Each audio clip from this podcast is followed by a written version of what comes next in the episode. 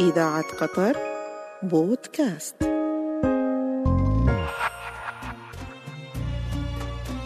ذاك الرعيل.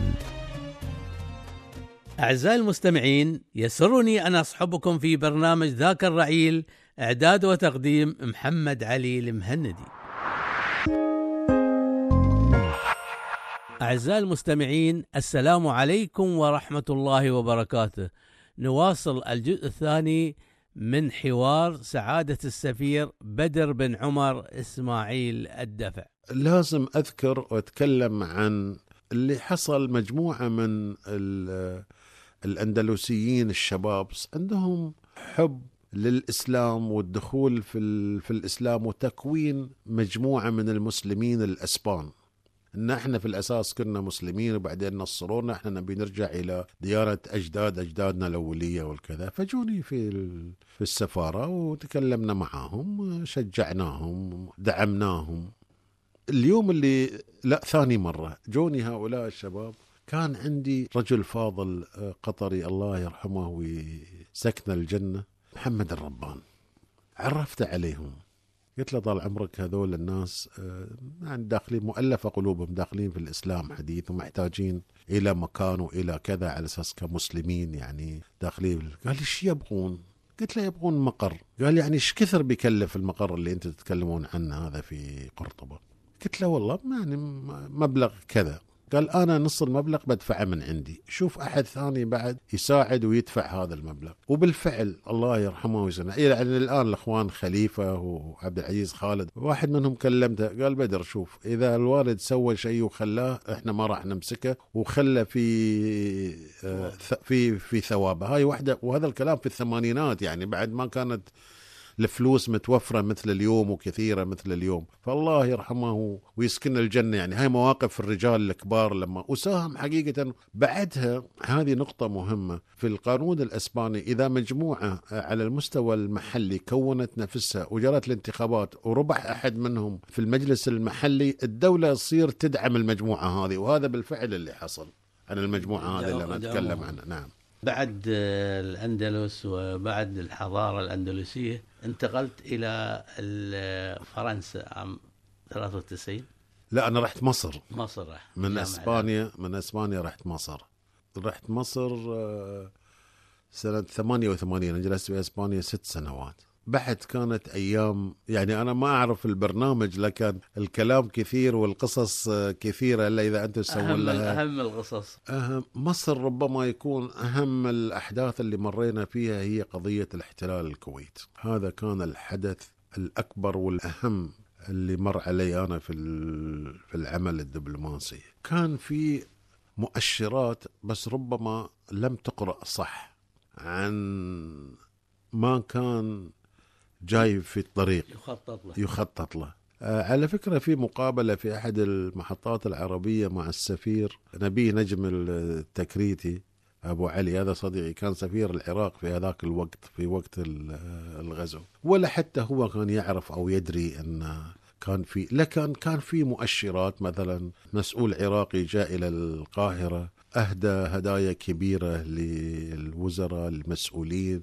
لرؤساء التحرير لكذا. هذه كانت مؤشرات لكن ربما لم تقرأ. تكون ما يسمى بالمجلس التعاون العربي وحضرنا إحنا جلساته بإسكندرية في قصر راس ال- التين. كان آه، صدام حسين كان الملك حسين كان الرئيس مبارك كان الرئيس علي عبد الله. لكن يعني إنه والله في المجلس التعاون وفي المجلس المغربي وإن هذا المجلس العربي لكن ما أحد كان يفكر وش هو المخطط. إلى أن جاء يوم كان فيه اجتماع لوزراء الخارجية المؤتمر ال- الإسلامي في في القاهرة في 2 أغسطس وقالوا أن صدام غزا الكويت دخل الكويت. فكان في اجتماع طارئ في الصباح في فندق آه، سميراميس كل الموجودين أدانوا هذا الشيء. عملية. وقالوا آه، على كل يعني الوزراء يراجعوا حكوماتهم ومسؤولينهم ورؤسائهم على أساس يخبرونا عن هذا الموضوع.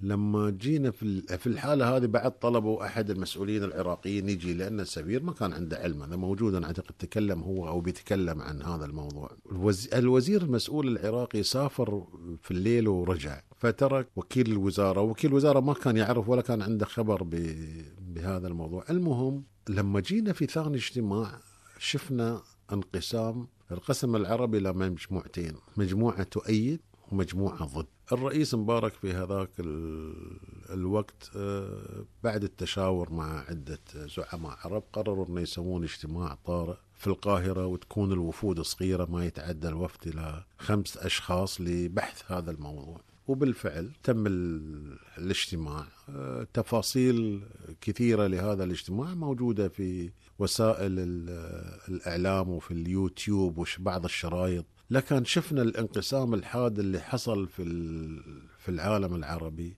ومن ضمنها بعض الأطراف اللي كانوا محتلين من قبل يعني أنا أقول بصريح يعني الفلسطينيين كانوا محتلين من قبل الإسرائيليين ولكن كانوا يتكلمون بصورة آه، مختلفة عن إنه كان احتلال الكويت آه، آه، يعني شيء مش هذه حقيقة أزعجت الكثير في المؤتمر. كان في قرار باستدعاء قوات صديقة. في هذه قالوا إن حط- حطينا قرارين قرار الإدانة بيوافقون عليه لكن قرار الاستعانة بقوات ربما فوضعت كلها في مشروع واحد وتم التصويت عليه على عجالة ودخلت القوات و وصار تحرير الكويت. هذه ربما يكون يمكن أهم حدث لها تفاصيل طبعا كثيرة. بعدها فرنسا؟ بعدها نعم طلعت من القاهرة إلى إلى فرنسا. جلست في فرنسا حوالي ثلاث سنوات وش وشوية. من بعد فرنسا ذهبت إلى كان إلى في شيء روسيا. والله فرنسا كانت علاقتنا إحنا مع مع فرنسا علاقة قوية في عدة مجالات. كان عندنا طلبة مبتعثين في فرنسا كان عندنا طلبة عسكريين كانت علاقاتنا العسكرية بعد مميزة مع مع فرنسا في علاقات ثقافية مع مع فرنسا. من بعدها كان التركيز على ال- على المصالح. من بعدها ذهبت إلى روسيا. روسيا 95 96 96 ذهبت إلى روسيا. روسيا هذاك الوقت كانت بلد تو متغير فيه ال- النظام تو خارج من من النظام. كان قبلي أنا ثاني سفير رحت إلى موسكو. كان قبلي الله يرحمه ويغفر له آه، أبو خالد السفير فهد بن فهد القاطر هو أول سفير قطري في في روسيا وكانت توها علاقاتنا بادية آه، مع روسيا. وكنا على أساس أن نعزز علاقتنا مع روسيا ال- الاتحادية. لكن بعد الأوضاع الداخلية في روسيا كانت في دور التغيير أو في دور الكذا لأن من نظام إلى نظام كانوا محتاجين إلى وقت طويل. وكان تقريبا الاقتصاد شبه منهار. كانوا محتاجين إلى أن يعيدون ترتيب أمور بيتهم بالتحديد الوضع الاقتصادي والوضع السياسي. يعني الروبل المقابل الدولار كان تقريبا كل أسبوع أو كل فترة ينزل. أنا جيت روسيا كان الدولار حوالي 2000 روبل. لما تركت بعد ثلاث سنين وشوية كان فوق العشرين ألف روبل. فكانت يعني كان وضع اقتصادي صعب. روسيا أنا رجعت لها في ما بعد. روسيا اليوم واحدة م- يعني عاصمة آه، super power آه، بعد مع الولايات المتحدة. فبعد هذه كانت فترة صعبة لأن العامل الأمني ما كان مستقر في آه. روسيا. أعزائي المستمعين نواصل حوارنا مع سعادة السفير بدر بن عمر إسماعيل الدافع. ذهبت إلى سانت بطرسبرغ. صحيح. هل هي كانت العاصمة أيام القيصر؟ نعم. هذه سانت بطرسبرغ كانت آه، حاضرة ال- المدن في هذاك الوقت وكانت على أيام الإمبراطورة آه، كاترينا كانت العاصمة لروسيا.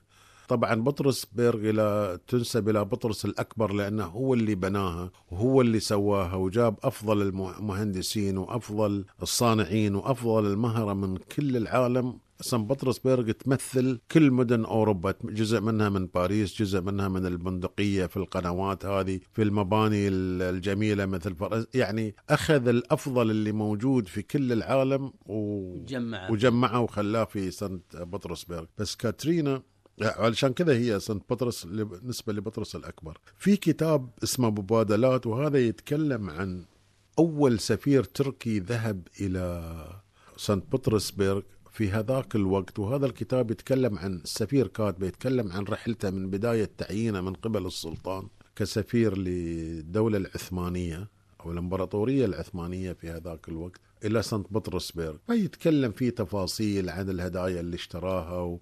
وترت... رحلته خذت ثلاث شهور عشان يطلع من تركيا يوصل إلى روسيا. ما في يعني وسائل بدائية في هذاك الوقت علشان يوصل. لكن بس لما تشوف الحضارة تستغرب. إيه لكن هو كان يتكلم عن كيف استطاع وأنا أعتقد أنصح أي دبلوماسي إنه يقرأ هذا الكتاب. هو موجود الآن بال... بالإنجليزي أعتقد من منشورات هارفارد. كيف آه هذا الدبلوماسي التركي استطاع إنه يشق طريقه وينجح ويوصل ويتعامل مباشرة مع الإمبراطورة كاترين كاترين في في هذاك الوقت. اليوم هذه القصور القديمة والمجموعات ال- الفنية واللوحات والتحف والمنحوتات والقصور الجميلة اللي موجودة في سان بطرسبرغ، الآن القطري ناس كثير من من قطر بدأوا يروحون لروسيا ويروحون لسان بطرسبرغ، العام الماضي صار آه، أسبوع قطري ثقافي في سانت بطرسبرغ ومجموعة كبيرة من القطريين حقيقة آه، في كنوز آه، موجودة في في متحف الأرميتاج. والارميتاج ثاني المدير متحف العالم. نعم من أهم المتاحف أنا أعتقد في العالم. نعم زرته عدة مرات. مدير المتحف مستعرب تعرفت عليه من هذاك الوقت ودعيناه لل- للدوحة. وأبوه بعد كان آه، آه، مستعرب. مستعرب يعني يتحدث ال- العربي. مستشرق يتحدث ال- اللغة العربية. وشفت أنا حصلت لي فرصة ان بعد أشوف بعض الأشياء اللي ما كانت معروضة. فتتكلم عن كم من هائل من التاريخ القطع الأثرية التاريخية اللي النادرة. موجودة في النادره اللي موجودة في متحف الأرميتاج. أنت في موسكو آه، سمعت أو شفت بيت الأشباح بريا. نعم. هذا هو كان بيت وزير الداخلية بريا ووزير الداخلية في هذاك الوقت كان يتخلص من الناس اللي كانوا يناوئون النظام في بيته آه، حوضين من من حجر وكان يحط فيهم الأسيد وكان يذوبهم ويختفون لا علم ولا أثر لهم. مرت الأيام السفارة التونسية اشترت ال- البيت. لكن يبدو لي من شرى البيت ما كان ما كان يعرف إن في أرواح كثيرة زهقت ولا في أشخاص كثيرة انقتلوا في في هذا البيت. اللي يحصل السفير أو أو زوجة السفير دائما يحسون بنوع من كآبة والاكتئاب. إك- اكتئاب ونوع من الضيقة ونوع من عدم الارتياح بالذات آه، في الليل. يروحون يشوفون دكاترة يكشفون عليهم كذا راحوا فرنسا راحوا تونس ما فيهم ولا شيء. ما أدري يعني وش الموضوع اللي كذا لكن تفسيرها إن ربما يعني هذا الأرواح اللي زهقت ولا اللي قتلت والأنفس ربما ما زالت وما زال البيت أنا حسب علمي ما زال البيت بيت للسفارة البيت للسفير ال- التونسي. أعزائي المستمعين نواصل حوارنا مع سعادة السفير بدر بن عمر إسماعيل الدافع. نأتي إلى محور رمضان شهر رمضان المبارك. حدثنا عن استقبال شهر رمضان المبارك في الريان أيام زمان. أعتقد و- واحاول بكل آه، جهد إنه أنقل هذه ال- العادات ل- لأولادي أو أو لأحفادي. أول شيء في الأكلات الشعبية اللي الجميع يعرفها الهريس والثريد و- آه، والساق وهذه تقريبا الأكلات ال- الأساسية. آه، بعد في هذيك ال- الأيام كانت العيشة شحيحة مش بمثل اليوم الطاولة عليها أصناف وألوان من الأكل الواحد عينه تشبع قبل لا يشبع بطنه فهذا واحد. الشيء الثاني اللي هو والدتي الله يرحمها ربما أنا وخطاب وأخوي كانت تعطينا الصحون نروح نرسلها لجيراننا في, في الفريج. تبادل الأطباق. تبادل ال- الأطباق. وبعد وانت جاي بعد البيت اللي انت رحت له بعد يعطونك طبق بعد يجيبونه وهكذا. فكان في يعني ألفة حياة. ومحبة وحياة مع على الأشياء ال- البسيطة هذه. لكن كانت جميلة وكان الأكل لذيذ وكان تدخل البيوت بدون استئذان لأن أنت واحد من أهل البيت. ما ما تحس إنك أنت سواء بيوت شيوخ أو بيوت ناس على قد حالهم أو بيوت. يعني تعرف الفوارق هذه. لكن هاي الفوارق ما كانت موجودة في هذيك. ولا كنت تحس إن هذا فلان كذا ولا فلان. أنت الكبير من بيت الضعيف مثل ما تاكل من بيت صحيح. الغني. صحيح. تاخذ من الصحن صحيح. أشهى من جسمك صحيح. لا هذه هذه حقيقة صحيحة. وبالتالي آه، ما المفروض أحد يعتقد إنه هو أفضل من الآخر.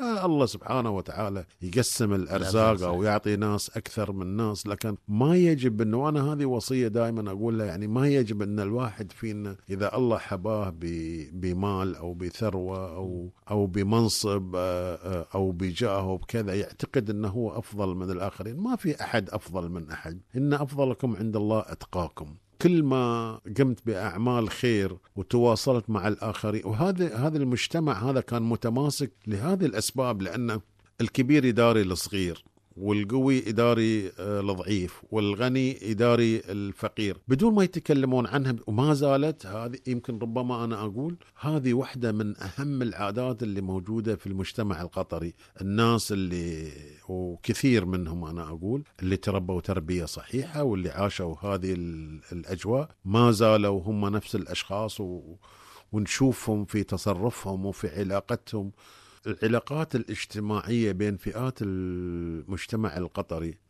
سابقا ولها استمرارية إلى اليوم. إذا كان في عزاء تحصل القطر كلهم موجودين. إذا كان في مرض تحصلهم كلهم يعيدون المريض. يزورونه. إذا كان في زواج حصلتم كلهم متواجدين بالرقم من أن الحياة تغيرت وصار فيها انشغالات وناس كذا. تسمع عن فلان كذا بدون ما حد حتى يعزمك ولا شيء. فلان أو ولد فلان قريب فلان. لا والله خلنا نروح لهم خلنا نزورهم خلنا نبارك لهم خلنا نعزيهم خلنا. وبالتالي هذه العادات اللي تميز ربما هذا المجتمع الصغير لكان الكبير بأفعاله وتنقل هذه العادات والتقاليد إلى الجيل الجديد. الجيل الجديد ربما يختلف شوية لأن جزء كبير منهم دخلوا في مدارس وهم صغار مدارس أجنبية راحوا إلى جامعات أجنبية. فجزء من اللي أنا أتكلم عنه هم ما عاشوا ولا شافوا المعاناة اللي ربما إحنا مرينا فيها. اليوم بعض الأحيان أنا أفسر حتى حق أولادي أقول لهم لا هذه الكلمة تعني كذا هذه الكلمة مقصود فيها كذا لأن يسمعونها لكن مش رابطينها بالموقف أو بال بالمعنى الصحيح اللي هم آه وهذه بعد جزء مع بعض الإخوان يعني بعض في عملنا في السفارات والكذا تيجي بعد منافسة منه اللي عرف كلمات قديمة أكثر منه اللي يعني لكن الحمد لله إن ما زال المجتمع في قطر مجتمع متماسك مجتمع مترابط مجتمع ربما هذه الصفات ما ابغي يعني لكن هذه الصفات ما زالت موجودة وما زالت مترسخة وأتمنى أن بعد الأولاد أو الأحفاد يكملون على هذا الشيء. كنتوا تحرصون على قراءة القرآن الكريم نعم وعمل نعم. ختمات في الكل ختمة القرآن هذا شيء شيء أساسي لأن عند المطوع كل ما تحفظ جزء وتخلص جزء. وفي فرحة كبيرة سواء من قبل أمك وأبوك أو أهلك أو أقربائك أو, أو أصدقائك لين ما تجي ختمة القرآن. عاد هذه قصة كبيرة وروحانية. أنا يعني أقدر أقول ربما لأن إحنا لما طلعنا برا ندرس ترى الوازع الأساسي اللي كان يردعنا من أن الواحد ينخرط في شيء في عمل سيء واي شيء هي كانت هذه الخلفية الدينية، لأن ما حد عندك لا أبوك حولك ولا عمك ولا أخوك ولا كذا، حتى لو بقيت تقدم على شيء أو تعمل شيء هذا الوازع الديني اللي تربينا عليه أو هو الأساس اللي في داخلنا كان هو اللي يمنع. حتى لو الواحد ربما أخطأ أو شط شوية لكن يرجع لأنه يعرف أنه مش هو هذا الطريق الصحيح اللي الواحد آه، لازم يمشي فيه الوازع الديني كان قوي جدا وهو الأساس في في النشأ وفي التربية لأن عودوكم عليه في رمضان صحيح في أيمن. صحيح رمضان كله روحاني وتعرف صحيح. كل واحد يحب إنه يسابق أخوه يقول أنا قريت اليوم كذي والوالد يفرح صحيح. الوالد صحيح تحصل البيت كله بهجة صحيح. كله صحيح يعني قراءة القرآن خاصة في شهر رمضان صحيح أعزائي المستمعين نواصل حوارنا مع سعادة السفير بدر بن عمر إسماعيل الدفع أيضا رمضان يتميز آه، عندكم الأول في الريان بالمسحر. صحيح. لحقت عليه؟ صحيح نعم لحقت على المسحر لكن ما أذكر أساميهم ولكن أذكر الطبل. أيه. يعني قاعد حق السحور. إحنا كذي ولا كذي لازم نقوم لأن إذا بنصوم لازم كانت. عاده كانت عادة حلوة. كانت حد لا وبعدين الله يسلمك ربما بعد فيما بعد جات المكيفات والكذا لكن قبل ما كان في مكيفات لأن المكيف يحجب الصوت. ولا كان في إذاعات ولا, ولا كان في إذاعات ولا كان في شيء. فأي صوت قوي ولا كذا ولا شيء أنت تسمعه. وحتى مش كل البيوت اللي كان فيها مكيفات يمكن البيت كله ما في غير غرفة واحدة. فيها مكيف. فيها مكيف كلهم يرقدون في الغرفة. جات بعدين قصة ال- ال- التلفزيون وكذا اللي يطلع الأريل فوق ولفه يمين لفه يسار يعني. هذه هذه ذكريات حقيقة جميلة. وفي رمضان أتذكر بعد ال ال ال لا لا كان التلفزيون ما في غير تلفزيون يجي من الأرامكو. إيه صحيح. وكان في أفلام كاوبوي وكان في مصارعة. مترجمة بالعربي. مترجمة بالعربية الفصحى. والشياب ينقسمون قسمين إذا في مصارعة. ذيلا. يشجعون اللي لابس الهاف الأسود وذيلا اللي يشجعون الهاف الأبيض. لا هذه بيضربه لا هذه بيسوي فيه. يحبون المصارعة كانوا كانت وسيلة تسلية لهم. وسيلة تسلية و... والأفلام بعد أفلام الكاوبوي والهذه كانت لها دور. إيه، صحيح. القرنقعور عادة من آه، موروثة من القدم. يفرحون فيه الأطفال والشباب اللي في سن صحيح. 13 14 صحيح. صادفت إن قرقعت. أكيد إيه. أكيد. أنا أتذكر جدتي أم أبوي أم معمر الله يرحمها. الله. من من يوم أنا يمكن صغير وهي تعطيني مبلغ كبرت شوية وصلت إلى الثانوية صارت تعطيني زيد عشر ريالات. بس أنا ما كنت كنت أفكر إن كل إخواني يأخذون نفس المبلغ. ترى بس أنا الوحيد الوحيد ال- ال- اللي كنت أحصل على عشر ريالات وتصرها عندها ملفع تربط ال- هذه فيه. ولما آجي ت- تجي وتقولي خشها في مخبار. وكبرت وتزوجت وأنجبت والعشر ريالات ما تغير. ما تغير. الله يرحمها ويسكنها الجنة. الله يرحمه. هاي من ضمن بالملفة. لا طبعا. من لا. لا لا. لا وبعد ترى العشر ريالات يعني من أول كانت مبلغ كبير لأن أنت شو تتكلم عن أنا وأنتين إذا بتأخذ خبز إذا بتأخذ باجلة إذا بتشتري؟ يعني الحياة كانت حلوة وكانت ما كان وربما عندكم مدفع افطار في الريال؟ لا.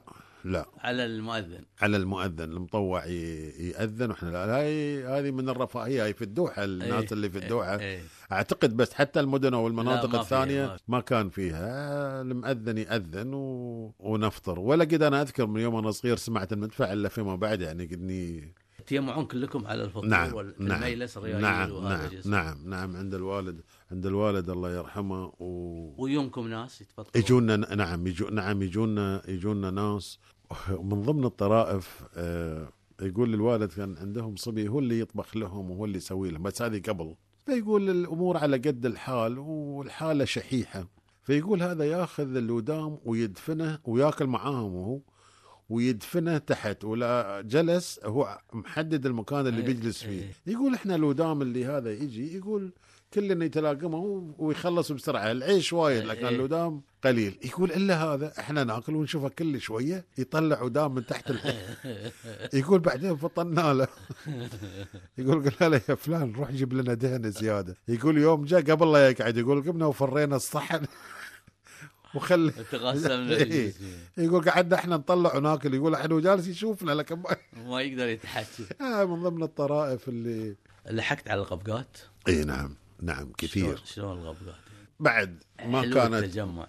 التجمع والشيء البسيط ما يعني أنا دائما أقارن ترى الإنسان إذا تعود على شيء وصار عنده قناعة يعني يكمل عليها لأن اليوم ال- الكرم أو المظاهر مش لأن هي نابعة من بعض الأشخاص. لا يبقى يقول والله أن أنا وضعي المادي كذا وبالتالي أنا أعمل كذا ولايم ما لها أول ولا لها تالي. وأنا أعتقد هذه فيها إسراف. آه، فيها إسراف غير مبرر لأن كل إنسان له آه، طاقة معينة يقدر ياكل فيها مهما صار التنوع ومهما صار الكذا. اليوم حتى ثبت علميا تاكل نوع واحد من أكلة واحدة أحسن من ما تاكل خمس أو ست صحيح. أكلات مختلفة. صار في نوع من التباهي. ال- الغير محمود أنا أعتقد. البساطة ولذة الأشياء لما تكون قليلة وتستانس فيها غير شكل كل يوم وكذا. طبعا اليوم الوضع اللي إحنا عايشين فيه. رمضان اليوم لما يجي أنت قدامك سفرة فيها أشكال وألوان من آه، الأطباق الرئيسية من لحوم من دجاج من أسماك من يعني بعض الأحيان حتى تحتار إيش تاكل هل هذا صحي؟ أنا أقول لا. ليش؟ هي الحياة صارت كذي. وحتى أولادنا يعني اليوم بعد إحنا المشكلة الثانية اللي جالسين نعانيها الواحد الحمد لله عنده إمكانيات وكذا. لكن حتى أولادنا أكثر شيء صاروا يطلبون من برا ما ما يأكلون من أكل البيت. والأكل اللي برا أكيد مضمون ونظيف لكن ربما لا يكون هو صحي. لكن الأكل اللي أنت تاكله آه، آه، في بيتك أفضل بكثير آه، من الأشياء اللي تجي من برا. رمضان اليوم مختلف كثير عن رمضان في السابق. إذا تتكلم عن القبقات بعد مناسبة أكبر عدد من القبقة اليوم في بيت فلان كل الناس يروحون عند فلان.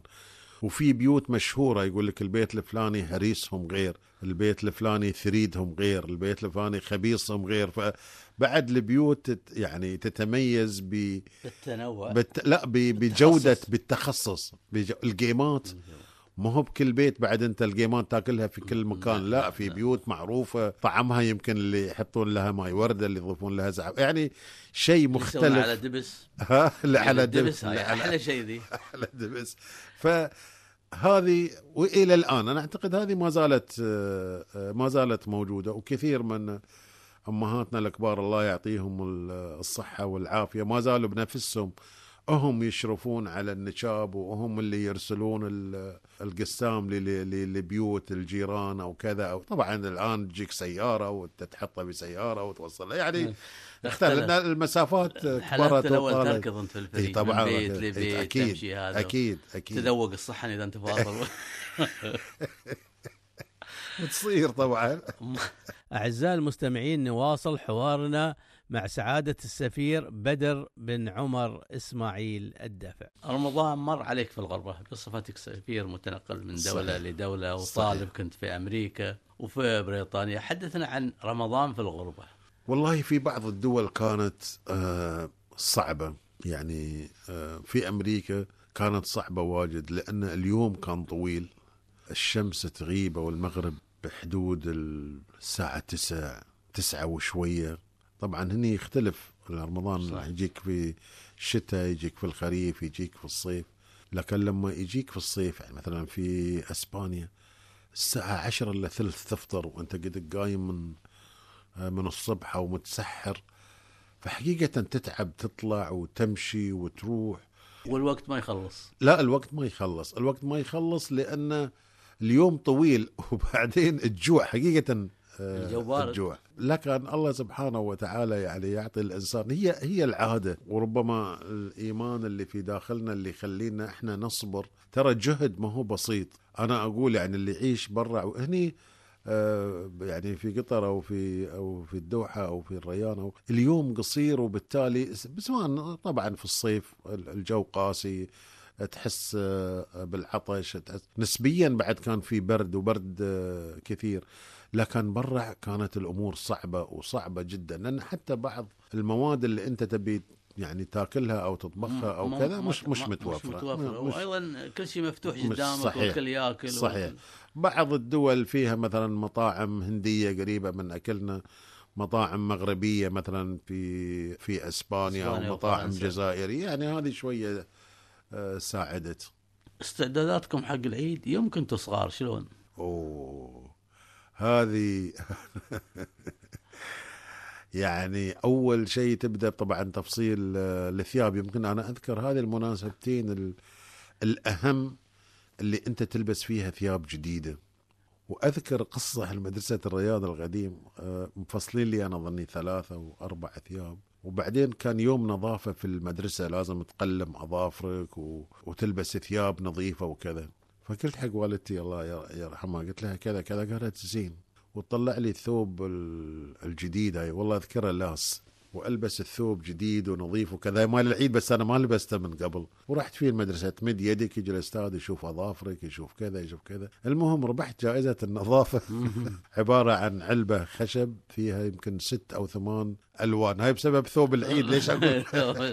ما هو لأن أنا مستعد ولا كذا. وهي كانت مناسبة كبيرة. آه، لا تنسى العيدية. إيه. العيدية بعد قصة كبيرة. إيش كثر جمعت وإيش إيه، كثر وش كثر كم قبلها القرنقعو بعد هاي إيه. قصة ثانية قصة كبيرة بعد. وبالتالي هني كانت الأمور تتشابه إلا ربما في بعض البيوت وربما بيوت الناس الميسورين أو اللي حالهم ميسور. عندهم مثلا أشياء مش موجودة عند ال... هذه طبعا إذا في شاكليت معين إذا في برميت معين إذا في شيء مميز آه، مكسرات. مكسرات آه، مع... ها؟ في شيء يوز. شيء مختلف. هذه تعطي بعدين لا تنسى العيدية. هاي العيدية عاد يعتمد اللي يعطي نص ريال اللي يعطيك ريال بس بعد لها قيمة يعني. أنت لما تقول ريال في هذاك الوقت بالنسبة لنا أولاد صغار وكذا وبعدين نقعد ها إيش كثر انت جمعت آه. إيش كثر عطوك إيش كثر حصلت إيش. كثر إيه. ها تنافسون اي طبعا وعقب تروح تشتري لك شيء. عقب تروح تشرها هي قصة كبيرة بعد تروح البلاد ها؟ تروح الدوحة تروح البلاد إيه. الدوحة آه. يسمونها البلاد البلاد نعم إيه. نعم البلاد على أساس تشتري يعني تروحون مع بعض في والله بعض الأحيان ما في بعض سيارات مع بعض يعني. الربع بعض الربع. لا سيارات آه، يعني الجماعة اللي. قليلة. الجماعة أنا والدي الله يرحمه كان يعني عنده عنده أكثر من سيارة فيعني مع ربعي مع أصدقائي مع كذا يعني بس مش عداي. مرة في يعني حلو العيد أيامه.